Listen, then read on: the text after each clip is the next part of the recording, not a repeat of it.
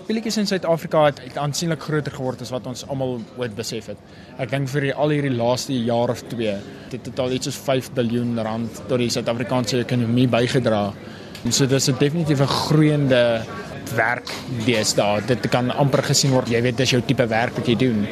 En ek hoop regtig dat dit so groot word soos in Europa of in Amerika en daai tipe lande. Watter soort loopbaankeuses is dan vir mense wat speletjies ontwerp en wat speletjies speel?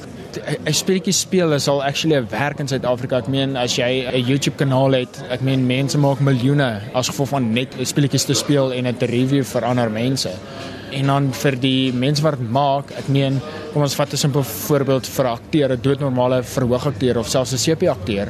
Ek meen net dit kan nou meer voice-over werk doen vir rekenaarspeletjies.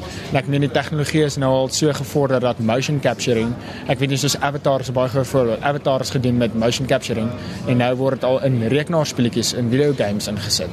So jy weet dit dit maak dit maak nie net vir ons wat re rekenaarkundig is en wat kan programmeer en daai goed 'n wêreld oop nie, maar vir 'n heeltemal 'n ander werks um occupation ook. En so dis nie net gelimiteer nie en ek dink dis kom ek dink dit so vinnig groei in Suid-Afrika veral want mense wat kreatiewe denke het, al teken jy net 'n prentjie, al ken jy drie lyntjies kode wat jy kan skryf.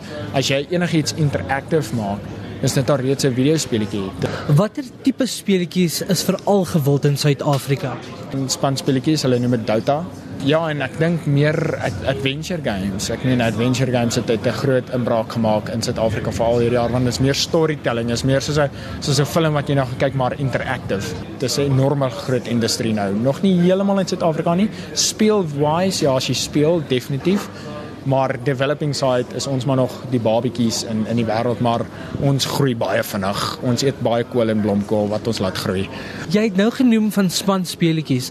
Mense speel baie meer in spanne. Mense speel nou in toernooie ook. Hoe groot of hoe gewild is die toernooie veral in Suid-Afrika en hoe goed word dit ondersteun?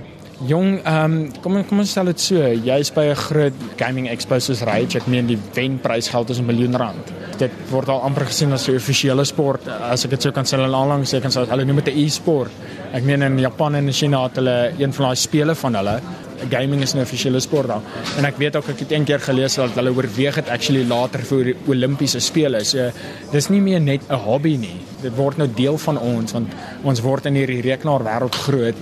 Is selfoonspeletjies en rekenaarspeletjies in dieselfde liga? Wat wel interessant is is dat selfone deesdae is amper al so sterk soos wat 'n rekenaar is. Ek meen ek ken van 'n paar rekenaarspeletjies wat jy op rekenaar kry op die konsol kry soos 'n PlayStation of Xbox Master sal dit uit uit op jou selfoon beskikbaar ook. En ehm um, as jy weet presies wat jy doen, kan jy dit afspeel. Ek meen hulle noem dit multiplatform, dan maak dit weer die wêreld weer oop vir ander toestelle ook. So ja, en die selfoonmark in Suid-Afrika het relatief baie groot gegroei, juis omdat dit 'n gejaagde society is alreeds en almal werk met jou foon elke dag. Hy het sy eie reg as ek dit so kan stel want hy's hy's net so sterk soos 'n normale platform soos 'n rekenaar of 'n konsol. Mobile games is relatief baie groot en ek dink dis die dis ook die mark wat die meeste geld maak op hierdie staan veral in Suid-Afrika.